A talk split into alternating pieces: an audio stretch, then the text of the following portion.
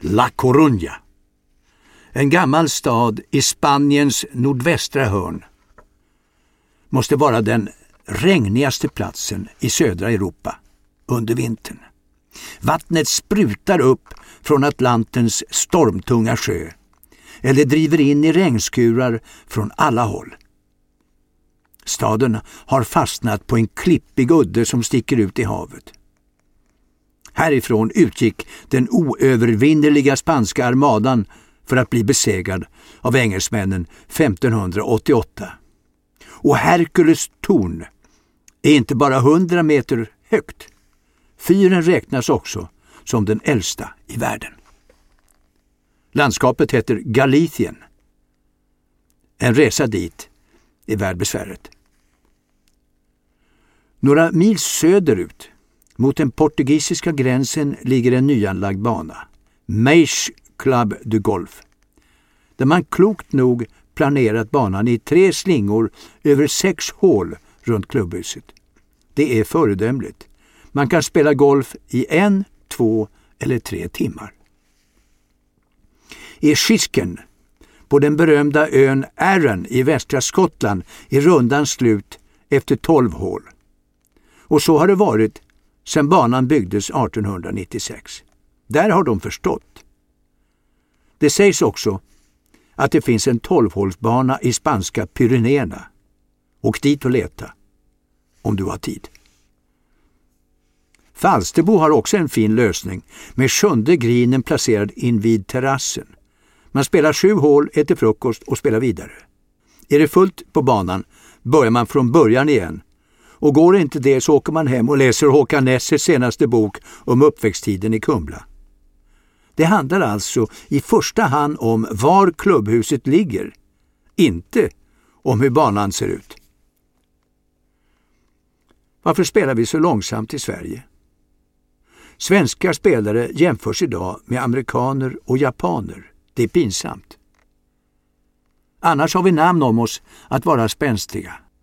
Vi åker Vasalopp, springer maraton, åker långfärdsskridskor och simmar från och till Vansbro över Västerdalälven.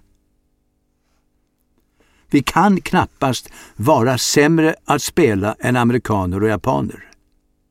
Vi har absolut inte svåra spelförhållanden eller banor att skylla på. Att leta bollar tar lika lång tid överallt. Fem minuter är fem minuter. Fråga klockan. Är vi dåliga på att räkna? Eller spelar vi för mycket poängbogey för att varje dag kunna justera handikappkortet? Kanske är det så enkelt att det inte är vi som är långsamma utan de som spelar bollen före oss. När jag rekommenderar 12 hål menar jag egentligen en bana som högst tar två timmar att gå runt.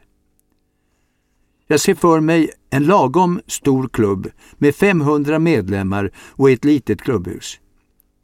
Målet är att det ska vara småskaligt så att medlemmar hinner träffa varandra. Det är strängt taget spelets bärande idé att fungera som en naturlig bro mellan människor. Runt klubbhuset ligger två slingor med sex hål vardera. Klubbmästerskapen avgörs efter 36 hål och klubbmästaren får under ett år bära ett bälte med infattningar i silver. Precis som Willie Park Senior fick 1860. Segraren i damklassen erhåller en brosch, också den är i silver, att visa upp när klubben har den årliga middagen efter årsmötet.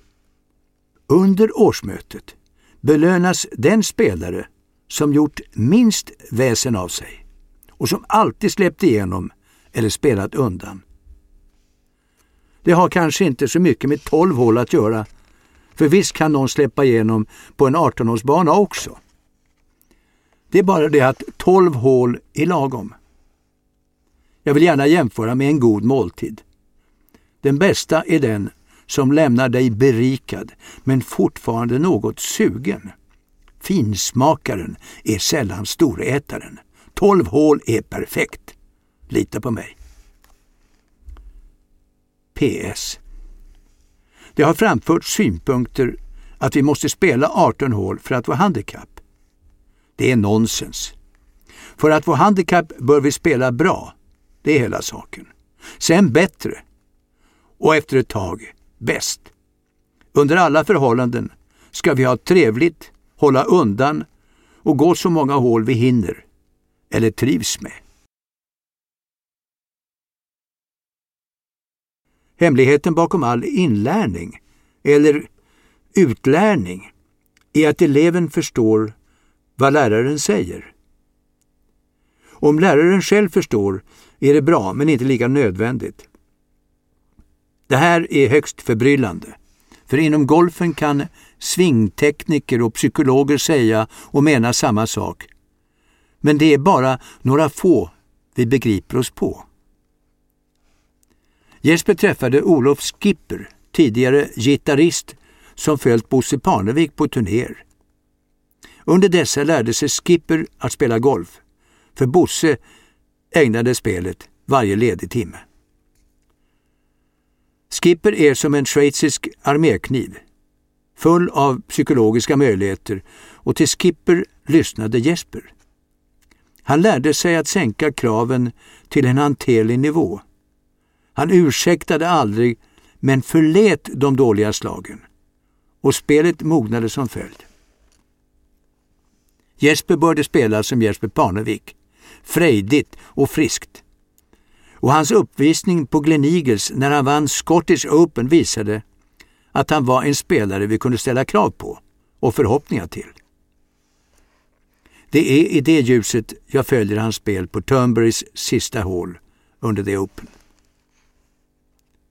Hålet är 390 meter långt. Vinklar åt vänster till en ganska generös green där svårigheterna finns till vänster. Där står flaggan, obekvämt placerad på ett område som man helst bör rulla in mot, inte satsa på. Bollen rinner lätt av mot den tjocka ruffen bara några meter nedanför flaggan. Ett stort tält har placerats vid vinkeln, men det har ingen strategisk betydelse. Det är bara störande. Med en järnklubba, två eller tre, når man vinkeln. Men en väl träffad drive ger stora fördelar. Risken är att man slår den för rakt. Då kommer buskage och tjockruff i spelet på andra sidan, just där Jack Nicklaus hamnade under matchen mot Tom Watson 1977. Jesper kan spela hålet med en drive och en wedge. Jesper spelar för att göra birdie. Är det ett klokt beslut? Även om han är mer aktiv än tjuren Ferdinand så har de det gemensamt att båda tycker om att följa fåglarnas flykt och lukta på blommorna. Jesper är ingen vanlig tjurskallig golfspelare som lätt kan stänga ute omvärlden. Snarare är det något han fått kämpa med, att inte vara för lyhörd för det ovidkommande, utan att bestämma sig för en spelplan och hålla sig till den. I Jespers strategi ingick att han behövde sluta 13 under par för att vinna. Att han skulle spela banan efter eget huvud, följa sina ingivelser och inte titta på de andra spelarnas resultat. När Price sänkte för birdie på 16 hålet var det något som gav Jesper inspiration och energi. Inget oroande. Han visste att det bara gällde Price. Vi kan rita diagram och diskutera hur spelarna låg till. Men vi skulle ändå komma fram till att han behövde sluta 13 under par för att vinna. Driven på sista hålet är perfekt. Som när som på några decimeter. Bollen stannar närmare 140 meter från flaggan och ligger riskabelt i halvruffen. Gräs kommer att finnas mellan boll och klubbhuvud och gräs fungerar som en fjäder. Bollen flyger sannolikt mycket längre än beräknat, något som kan bekräftas av hans spelkamrat Tom Watson. Denna har samma typ av slag och flyger över hela grinen med en järnlia. Därför väljer Jesper en wedge, en försiktighetsåtgärd. Under den här tiden når Nick Price 17 grinen med sitt andra slag. Just då kunde det ha varit klokt för Jesper att sikta mot mitten av grinen istället för att satsa mot flaggan. Förmodligen har det ingen större betydelse. För Jespers händer hade sökt sig mot flaggan i alla fall. Han spelar på det sättet. Det är när han gör det som han lyckas. Bollen blir någon meter för kort. Bollen rullar av grinen. Han exploderar järvt tillbaka ur den saftiga ruffen endast några meter till vänster om flaggan och missar hårfint putten för par. När han tackar Tom Watson för spelet och lämnar sista green sänker Nick Price den slingrande långputten på 17 för igel. Innerst inne förstår Jesper att det är Price som står på tur. Jesper Parnevik blir tvåa. Han förlorar inte. Ur liknande situationer uppstår ibland en innerlig och fast vänskap. Andra gånger ännu hårdare konkurrens. Varken Nick Price eller Jesper Parnevik lämnar Turnberry likgiltiga för varandra, utan fulla av respekt. Den känslan vänder sig också inåt och med den som grund kan vi åstadkomma vad som helst. Ursäkta, vad är klockan? Tiden är en lustig konstant. Den hoppar in i klockan som tickar på allt vad den kan. Enda gången vi rår på tiden är en dag på våren då vi flyttar fram klockan en timme. Eller var det tillbaka? Världens starkaste man kan stanna ett expresståg genom att dra i ett rep. Men tiden rår han inte på. Jag vet inte vem som uppfann tiden. Hur som helst är det inte någon som jag skulle rösta på. Hjulet är en överlägsen uppfinning, eller bärbagen med dubbla remmar. Så fort vi har gott om tid rinner den iväg. Och vi får bråttom. Det är det jag inte tycker om och därför skulle jag förorda att vi snart går tillbaks till att bygga golfbanor över 12 hål. Vi kan lätt fylla en rond över 12 hål med många intressanta slag. Vi hinner både vinna eller förlora matchen och det hela tar högst två timmar i anspråk. Nyligen hörde jag hur två föräldrar resonerade. De hade just tagit upp golfen igen efter det att barnen vuxit färdigt. Men så dök ett sladdbarn upp och diskussionen gällde vem av dem som skulle sluta spela. Att lägga så många timmar på golf över helger när barnet behövde åtminstone en förälder var lika själviskt som hänsynslöst. De slutade därför båda med golfen, men hade kanske kunnat fortsätta om de hade haft en 12-hålsbana tillgänglig. Vissa dagar hade det räckt med sex hål och barnet hade vuxit upp till att bli en trygg medborgare. Den mest omtalade 12-hålsbanan är Prestwick i Skottland där man spelade The Open Championship för första gången 1860. Banan har sedan dess visserligen byggts ut till 18 hål, men några av de ursprungliga hålen är fortfarande i bruk. Ett är det femte, ett helt blint par tre-hål som kan skrämma vettet ur vem som helst. Eller det berömda sjuttonde, Alperna. Med dagens utrustning kan det vara en bra drive följd av en järnåtta över en sanddyn som påminner om de stora bergsmassiven. År 1860 krävdes ett tyngre artilleri. Skotten Willie Park Senior vann det första mästerskapet som avgjordes efter 36 hål på 174 slag. 30 slag över par. The Open Championship spelades sen på Prestwicks 12 hål till och med 1870 för att därefter flyttas runt till några andra banor.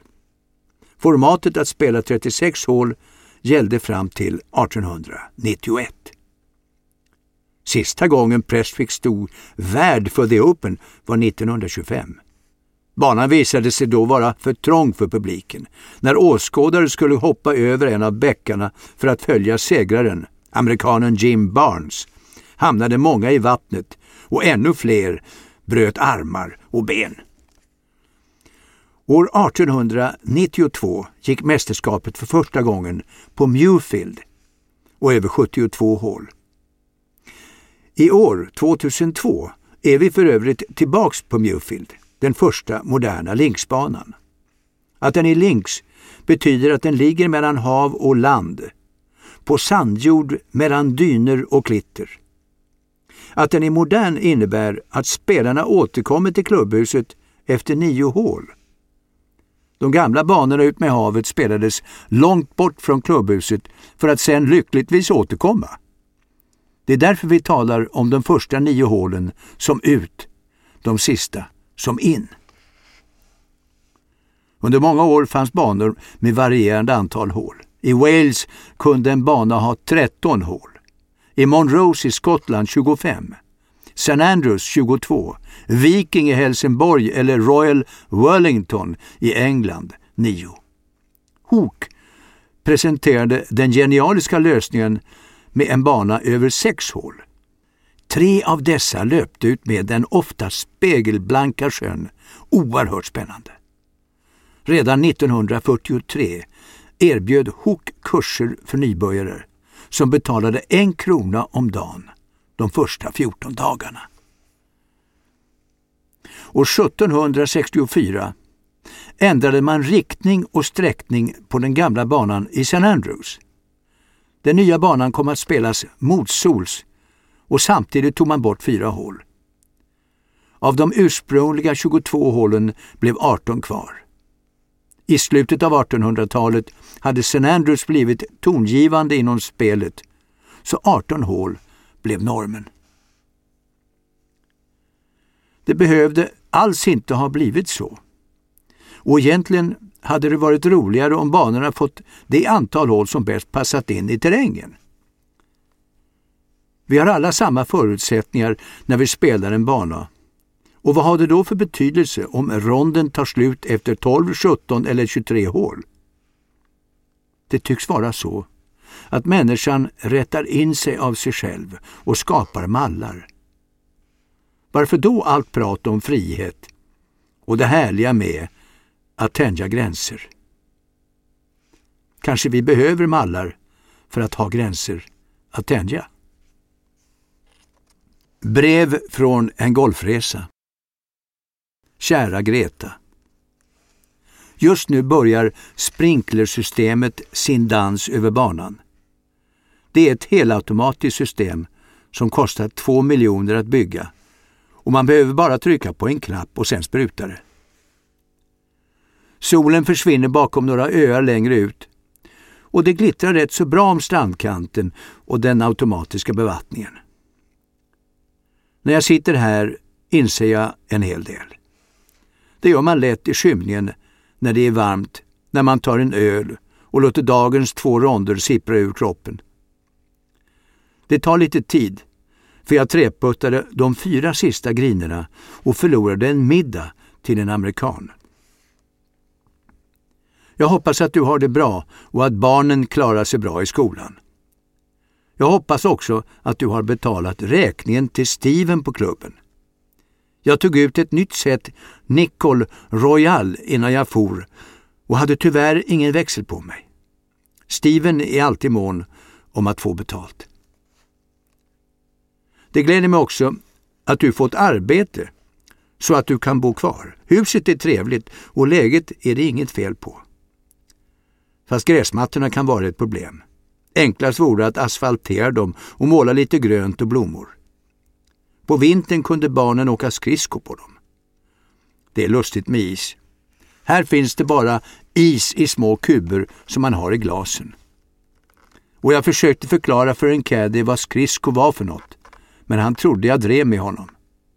Så han gav mig fel linje på åttonde green. Jag låg fyra meter från hål och treputtade. Annars mår jag utmärkt. Jag är nu på en ö som heter Great Harbour Key inte långt från Grand Bahamas. Min golfresa blev lite längre än vad jag planerat från början. Och ni kanske har undrat vad jag haft för mig de här månaderna. Ja, du behöver inte ängslas. Jag ringde ju från Costa Smeralda. Där har Trent Jones ritat en bana. Fantastisk. Men den ligger vid havet och kostar bollar. Från Smeralda ringde jag till jobbet och sa att jag tänkte vidga mina vyer och sa upp mig. Du är inte klok, sa Holger på personalavdelningen. Och jag hörde i telefon att han såg ut som en fisk, en mört. Holger har alltid dragit in kinderna och format munnen till ett O när han känt sig osäker. Det har det aldrig varit, sa jag. Holger började kippa efter luft, som en fisk, och då la jag på luren. Och samma eftermiddag gjorde jag par på det långa par fyra-hålet ut med klipporna. Och där ser man vad det betyder att slippa problem och sammanträden. Ekonomiskt klarar jag mig fint. Jag lever fortfarande på pengarna från Portugal. Jag var i Portugal också. På en plats som heter Penina, 36 år, Henry Cotton, han som en gång spelade i British Open på 65. Och efter det gjorde de en golfboll som hette Dunlop 65. På Sandwich spelade han. Där var jag också som hastigast och bodde på Guildford Hotel och spelade Deal, Royal Sankport, Princess och St. George's. Cotton har i alla fall ritat Penina och därför bor han mycket flott invid banan med sin Toots, hans fru. På Penina träffade jag ett gäng från Miami. De hade alla italienska namn och en av dem var visst släkt med Al Capone. De var jättemysiga. Och vi spelade deras Nassau. Ett bett på första nio, ett på andra nio och ett på matchen och så fort man är två ner har man rätt att avsluta det bettet och börja ett nytt. Man pressar. Fast då är det dubbelt. Och så gäller det bingle, bangle, bungle.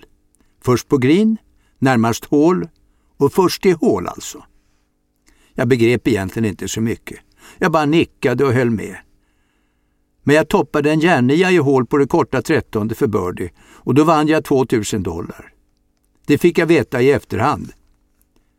Men det var visst en förfärlig massa ackumulerad bingles och pressar och jag vet inte vad. Och särskilt han som var släkt med Capone tittade konstigt på mig hela kvällen. Så jag flög till England och bodde två veckor i Sandwich. Efter att ha förlorat fyra slag till par på fem hål segrade Tom Watson, som i klubbhuset på Royal Throne följde hur Nick Price bröt samman. Envigen mot Ballesteros sex år senare har redan berörts.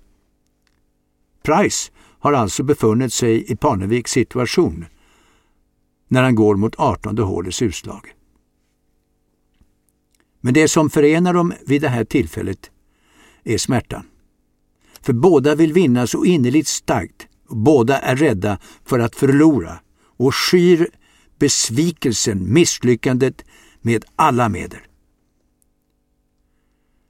Ögonblicket äger också en annan konflikt. Vilket är viktigast? Var ligger drivkraften? Att vilja vinna eller att inte vilja förlora? I efterhand kan vi diskutera denna fina skiljelinje. Är det så att viljan att vinna leder till ett större risktagande? Vinner vi inte automatiskt om vi undviker att förlora? Eller spelar vi fegt och försvinner?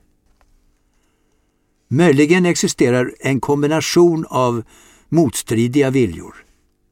Ett sätt att handskas med konflikter under stress som kommer av tidigare erfarenheter. Om vi känner oss själva kan vi fatta rätt beslut. Jesper Parneviks egenart har förändrats genom åren. Åtminstone ytligt sett. På så sätt skiljer han sig från många andra spelare som dyker upp som juniorer med ett kynne som är likadant 15 år senare. Jespers golfspel som ju speglar hans personlighet, byggde från början på ett lika moget som inspirerande närspel.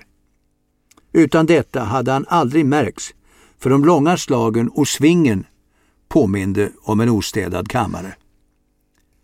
Han hade svårt att koncentrera sig.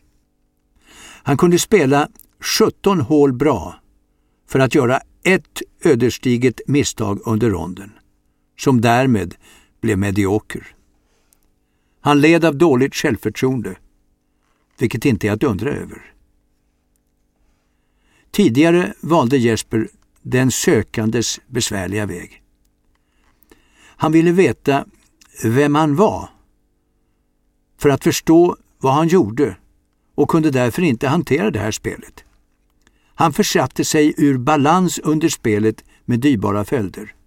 Han anklagade sig själv efter missade slag, angrep sig själv, bröt klubbor eller kastade dem. Händelserna ledde till böter givetvis, men viktigare var att han förlorade mot sig själv. Förtroendet brast i ännu högre grad och golfen blev en banda. Alla var överens om att Jesper kunde spela golf, att han var en talang. Men få begrep sig på honom. Av en caddy fick han smeknamnet Spaceman, för han lanserade de mest överraskande idéer. En morgon kunde han säga att alla spelare på Volvo European Tour såg betydligt äldre ut än vad de verkligen var. Ansiktena hade fårats av allt för många pressande enmetersputtar. Jag slutar spela, sa Jesper, för jag vill inte bli rynkig i förtid. En annan morgon kunde han konstatera att han inte hade något på tävlingarna att göra för han var ingen bondtjuv. Man måste vara bondtjuv för att vinna, sa Jesper. Och jag har ingen lust att bli en sån. Frågan inom The Tour visavi Jesper Parnevik gällde inte hur, utan när han skulle trycka fast skärmen med Hello Sweden och bara flyga iväg, ut i världsrymden. Det kan också ha varit så att Jespers intresse för filosofiska frågor och livet utanför Murphys Open eller Dunhill Masters automatiskt skilde honom från flertalet. Existentiella frågor on tour brukar gälla hur man enklast tar sig till nästa turnering och var kvalgränsen kommer att gå efter två ronder. Jesper insåg att golfen ingick i det andra livet och inte tvärtom. Men för den skull ville han inte sluta spela. Däremot kunde golfen hjälpa honom att förstå sig själv. För det är vad spelet är bra på. Bara vi ger det möjligheten. Under förra sommaren började han inse hur lite vi egentligen har rätt att kräva av livet. Att vi måste underkasta oss ett godtycke, att en boll som studsar ner i en bunker inte är en del av en stor komplott. Att det var Jesper Parnevik som stod för sina egna misstag har han alltid känt till. Det var bara det att han ställde för höga krav på sig själv och hade svårt att överse med de egna misstagen. Det är ingen kritik, men vi har nog aldrig ätit en vettig frukost tillsammans under våra 16 år som gifta.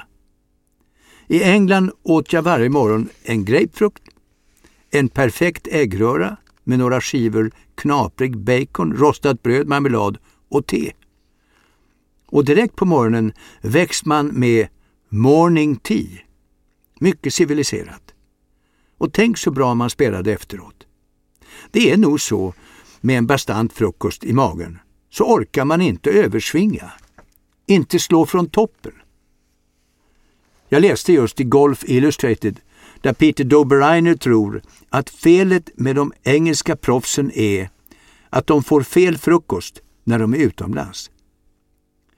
Fast Dobereiner själv slår från toppen i alla lägen. Jag träffade honom på West Sussex, Pulborough, på väg till London. West Sussex är en av de bästa parkbanor jag spelat på. Men då räknas inte Wentworth eller Sunningdale och kanske Woodhall Spa. Den ligger norrut, inte långt från Immingham. Woodhall Spa är som att spela i en katedral. Tyst och med pampiga träridåer. Detta om frukost. Nu gångar det från matsalen. Om en halvtimme börjar middagen. Vi har beställt hummer, för de har fått upp några färska. Jag äter mycket bättre nu. Det är klart egentligen. 36 hål om dagen kräver näring. Och det är lustigt vad vissa anrättningar kan väcka hummern. Sjötunga walewska, äkta argentinsk T-bone steak, Tone de Rossini och sånt. Och ett gott vin. Det placerar liksom kokt torsk och falukorv på en annan nivå. Bäst åt jag på en tvåstjärnig krog utanför Aix-les-Bains. Trevlig bana. Och Moule Marinière på Mövenpick i Genève var en upplevelse. Jag tog en extra portion som efterrätt. Jag kom från Evian där jag lyckades vinna över Ture Holmström på sista hålet och sen vann jag 1200 franc på kasinot och bara farten. Det var där jag bestämde mig för att förlänga golfsemestern. En vecka kändes inte nog. Och kan du tänka dig? Under nu nära nio veckor har jag knappast gått över 90 en enda gång. Och ändå puttar jag dåligt. Men det långa spelet går fint. Det märker jag på Atalaya. Banan ligger ut med Costa del Sol. De har ett korthåll på 200 meter. Jag drev till bakkanten av green och då blåste det emot. Hade inte flaggan stått längst fram hade jag säkert gjort par. Dagen efter träffade jag en trevlig pro från Djursholm, Devrel. Vi spelade Nueva Andalucía. Jag var rätt nervös, men det släppte efter första hålet. Där slog Devrel en perfekt drive. Han slår väldigt högt. Peggar bollen högt och placerar den långt ut på vänsterfoten. Hans inspel stannade tre meter från hål. Han såg rätt säker ut. Cadding gav honom en linje två decimeter till vänster om hål. Men han såg en annan linje. Till höger. Han var mycket säker på sig själv kan man säga. Och bollen stannade till slut vid högra bunkerkanten sju meter från hål. Andalusias griner är snabba. Jag ringde hem en dag från Spanien för att säga att jag inte kommit hem. Men det var ingen som svarade så jag trodde att allt nog var bra. Och jag hade då inte gjort upp några planer och sen åkte jag till Portugal och då var det någon som tog min putter av misstag. Så jag tog en pingputter av misstag jag också. Men den fungerar inte. George Lowe som anses vara världens främste puttningsexpert, ska ge mig ett tips imorgon. Lowe spelar inte. Han bara puttar. Han hänger med pro-cirkusen och lever på vad han lyckas skrapa ihop på puttinggreen. Ibland tusentals dollar om dagen. Hustler, säger de om honom. Fast jag tycker han är trevlig. Och förresten så vet jag inte vad det betyder. Och jag vågar inte fråga. Kan du slå upp det i min Websters? Den står i bokhyllan ovanför min säng, bredvid schakalen. Du kan skriva hit Great Harbor Key Country Club. Jag stannar nog minst veckan ut. Sen åker jag troligen till Miami. Det ligger bara någon timme härifrån. Tänk vad det går fort att flyga nu. Ja, du har ju inte flygit någon gång än, men det går väldigt fort. Det måste du pröva. Ta med barnen. De kan behöva röra på sig de också. Och eftersom du har en mun mindre att mätta nu så blir det väl några kronor över. Och jag tycker att du ska börja spela golf. Då har man verkligen chans att se sig om och knyta kontakter. Idag hälsade jag på Andy Williams. Hej, sa jag. Hi, sa Andy. Och så var den saken klar. Jag vet inte när jag kommer hem. Det dröjer väl någon månad innan grinerna öppnas hemma, så jag håller mig nog kvar. Ha det så bra och hälsa barnen. Nu måste jag skynda mig till middagen. Käraste hälsningar. Din Harry. I begynnelsen var det ostsmörgås. Någonstans skulle vi ta vägen när vi sökte skydd undan den kalla vinden eller en brännande sol. händerna måste värmas, törsten släckas och hungern stillas. Vi hade just spelat det artonde hålet, nu väntade det nittonde. Det hände för länge sedan, då klubbhusen i Sverige knappast förtjänade sina namn. Istället var de skjul i vilka redskapen förvarades och en hörna i närheten av ett fönster med en arbetsbänk åt klubbens professional. Ost och korvsmörgåsar, egenhändigt bredda hemma i köket, dukades upp i lä från vinden eller på ett hastigt monterat långbord. Här samlades de svenska golfpionjärerna i början av seklet för att skölja ner mackorna med vatten, öl eller brännvin. Vid den här tiden hade ännu inte begreppet det nittonde hålet fått auktoritet. Enligt Historical Dictionary av Peter Davis nämndes nittonde hålet första gången i litteraturen av A. W. Tillinghast, den galne och geniale amerikanske golfarkitekten. Det skedde i essäsamlingen A Woman's Way. Personligen tror jag att det bör ha skett tidigare. Men vi måste också komma ihåg att det tog lång tid innan golfvärlden bestämt sig för att den riktiga golfbanan skulle innehålla 18 hål. Länge spelades det Open på Prestwick som hade 12 hål. Med Prestwick som förebild kunde vi här ha diskuterat det trettonde hålet. I Göteborg bildades vår äldsta klubb som började med spel på hissingen och som slutligen hamnade i Hovås. Klubbhuset låg strategiskt på kullen med utsikt över hela nioårsbanan. Här bodde George Roberts, klubbens pro, med familj och här kunde man värma vatten till te. I början av 30-talet anställdes Axel Wahlström som greenkeeper. Fru Wahlström uppmärksammade ett uppdämt behov. Hon sålde smörgåsar med pålägg och lade därmed grunden till den omfattande restaurangverksamheten som dagens golfspelare tar för given. Så gick det till. Hustrun till instruktören eller greenkeepern hjälpte till med maten på Falsterbo, Karlskrona eller Båstad. Gradvis blev utbudet mer omväxlande. En gryta kunde erbjudas. Eller köttbullar, falukorv samt potatis till sillen. Till dessa läckerheter, serverade i all enkelhet under helgerna, medförde medlemmarna drycker av olika slag. På Djursholm insåg man att dryckerna mycket väl kunde lämnas kvar på klubben, att de mådde bra av att inte resa så mycket. I den andan byggdes en mindre bar på övervåningen i vilken enskilda medlemmar kunde hyra sitt eget skåp att ställa en flaska i. Många andra klubbar följde detta exempel.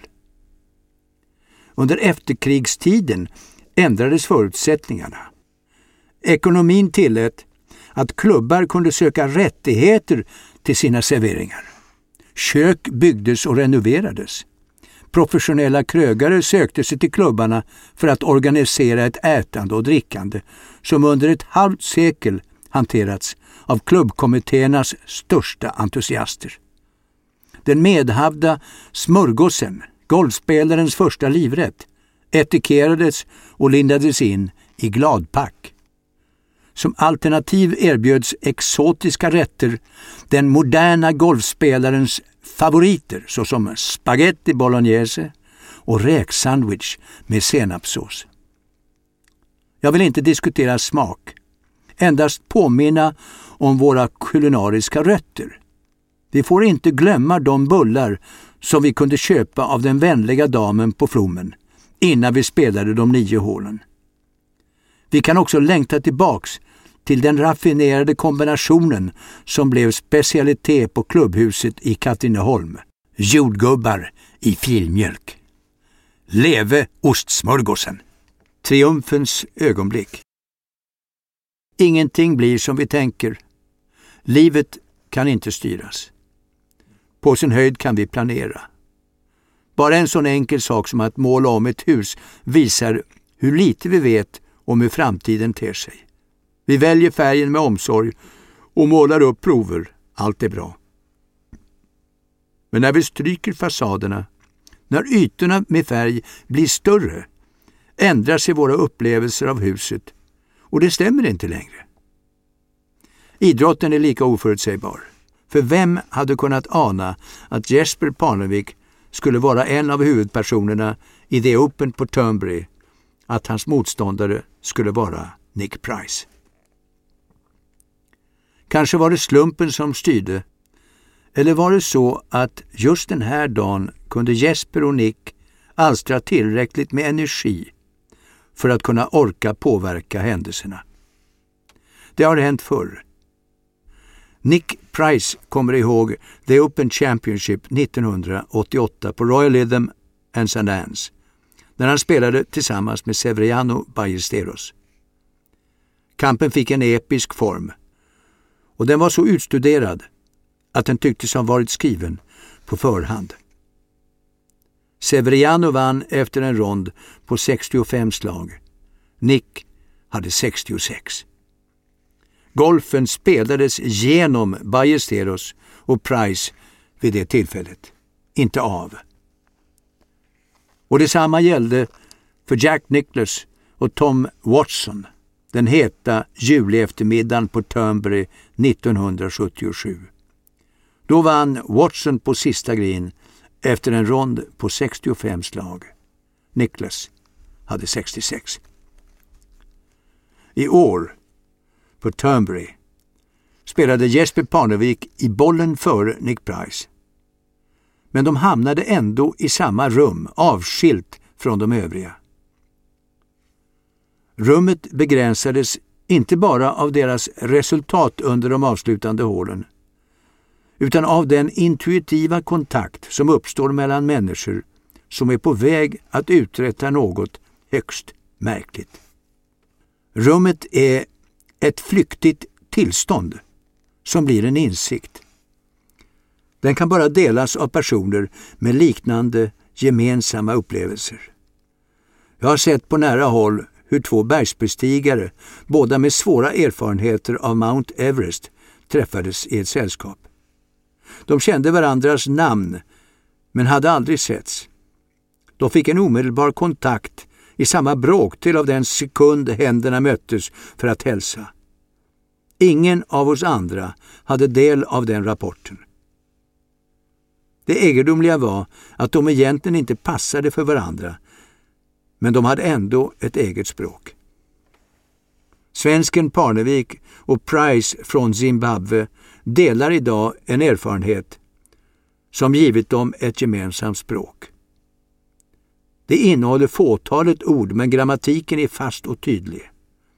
Men de kan inte förklara för oss andra hur det går till, vad som sker. När Price sänker för birdie på det sextonde hålet fastnar de båda i samma mångdimensionella nät av möjligheter. Det skiljer visserligen ett helt hål mellan Nick Price där han upprymd vandrar av 16 grinen och Jesper Parnevik inför utslaget på 18. Men de är ändå fysiskt medvetna om varandra.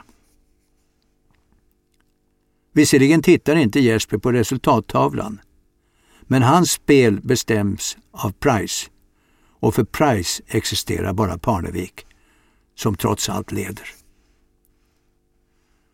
Relationen etableras också i deras undermedvetna, just då. För nu gör det ont på riktigt. Att befinna sig på en arena som den här inför en gigantisk publik och att få tillfälle att bevisa sig är drömmen för alla idrottsmän. Men det är också något som de flesta innerst inne fruktar.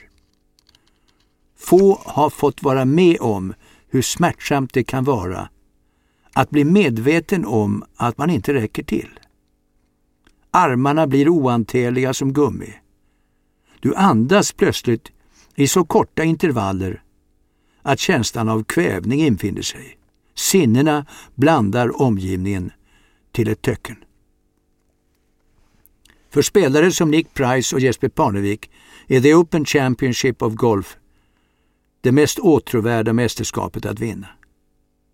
De har visserligen olika bakgrund. Men Price från Zimbabwe, tidigare Rhodesia, känner starka band med Storbritannien och golfspelets traditionella ursprung. Jesper är europé och har av sin egen miljö fått lära sig betydelsen av The Open. Mästerskapet har ingått i hans uppfostran och dykt upp i drömmarna. Nick Price har två gånger tidigare i sin karriär varit nära att vinna. Första gången var 1982 då han som 25-åring ledde med fyra slag när sex hål återstod.